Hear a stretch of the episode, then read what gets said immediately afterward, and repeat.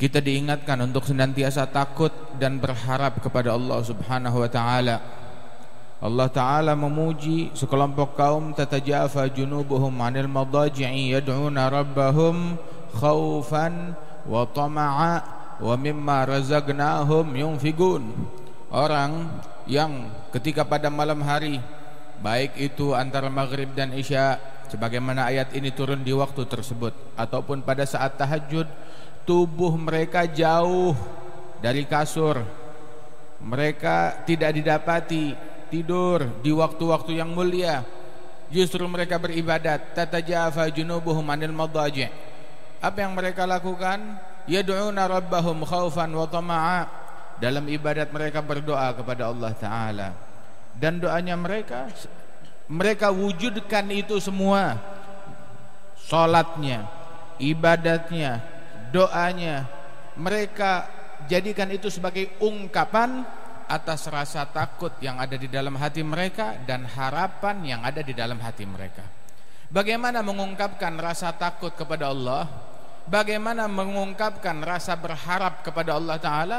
Mengungkapkannya adalah dengan patuh kepada Allah Taat kepada Allah Begitulah Sungguh orang yang berharap ampunan kepada Allah Ta'ala Tetapi dia tidak berupaya untuk mencapai ampunan tersebut Itu adalah orang yang yang bermimpi, yang berhayal Ibaratnya kita sekarang Apabila kita menanam Menanam pohon ya, Pasti kita akan yang akan berharap Buah dari pohon tersebut Tapi kalau kita nggak nanam apa-apa Terus kita berharap akan ada buahnya. Kita menantikan buah tumbuh dari tembok.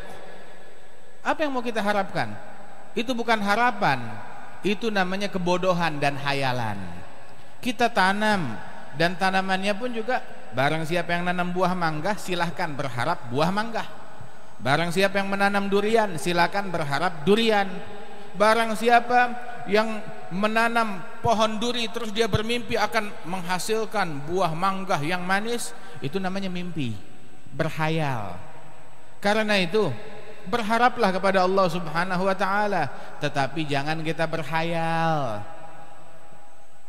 Bersikaplah seperti sikap orang yang memiliki harapan kepada Allah taala.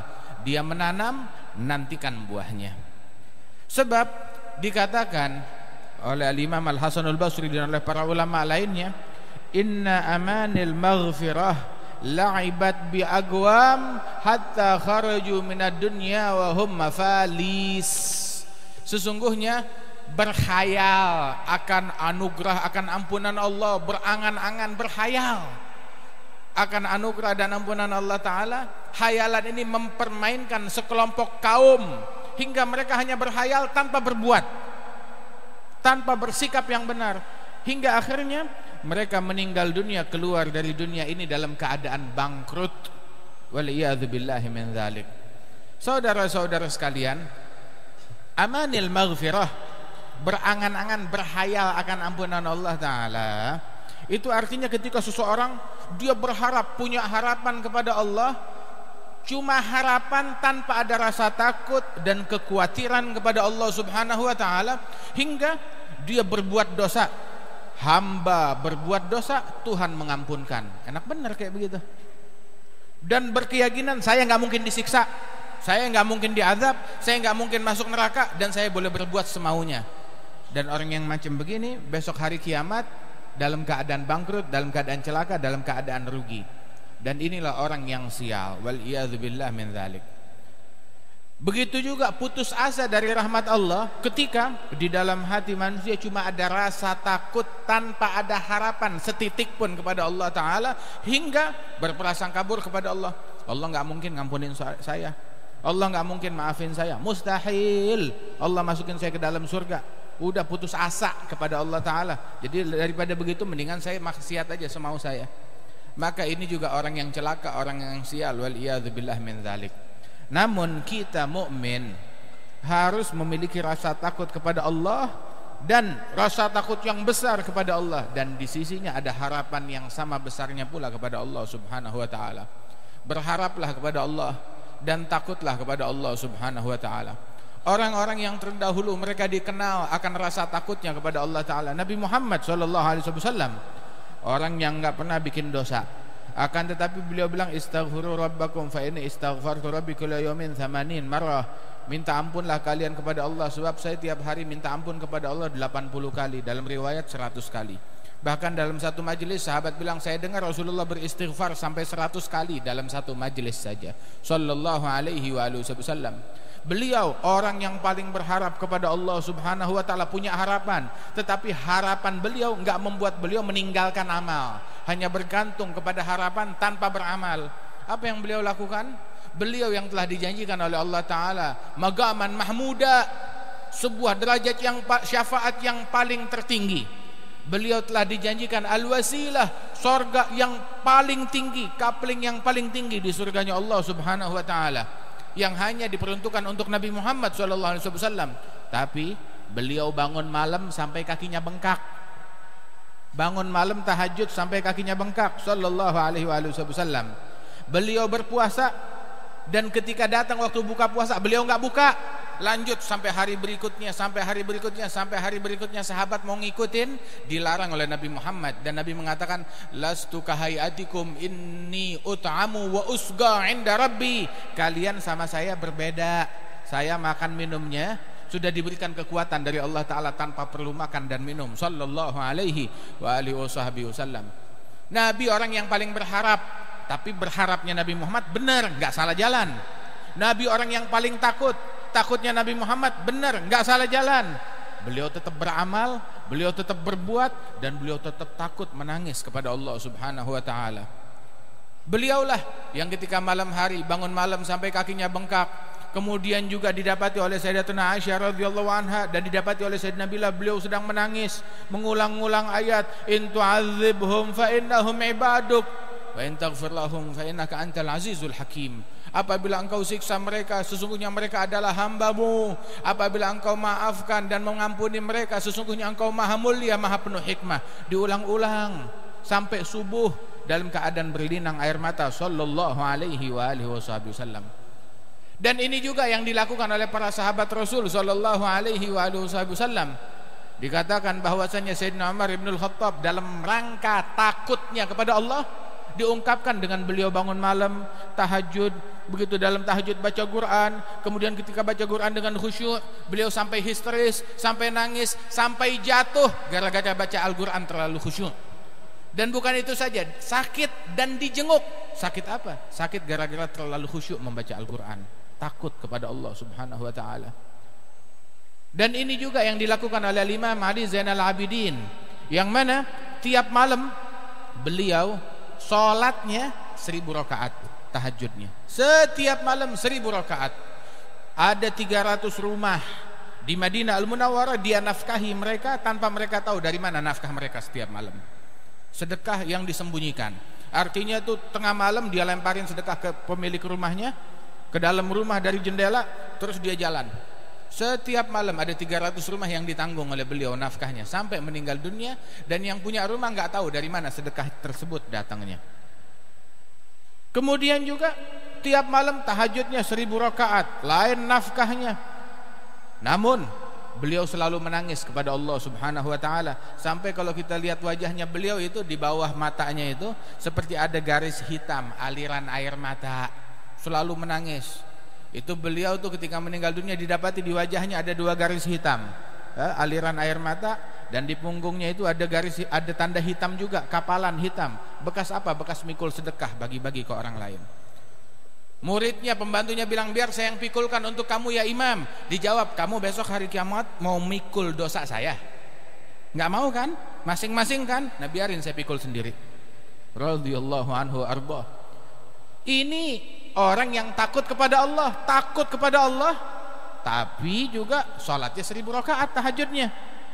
Sampai satu kali itu terjadi kebakaran di tempat beliau tatkala beliau sedang sholat. Itu orang-orang berusaha memadamkan sambil berteriak annar annar annar ya iban binti rasulillah. Api api kebakaran wahai cucu rasulullah. Tetap aja Imam Ali Zainal Abidin dia sujud dalam sholatnya Hingga api akhirnya dipadamkan, dia udah selesai sholat, orang pada datang. Kamu nggak dengar tadi kami teriak-teriak api api?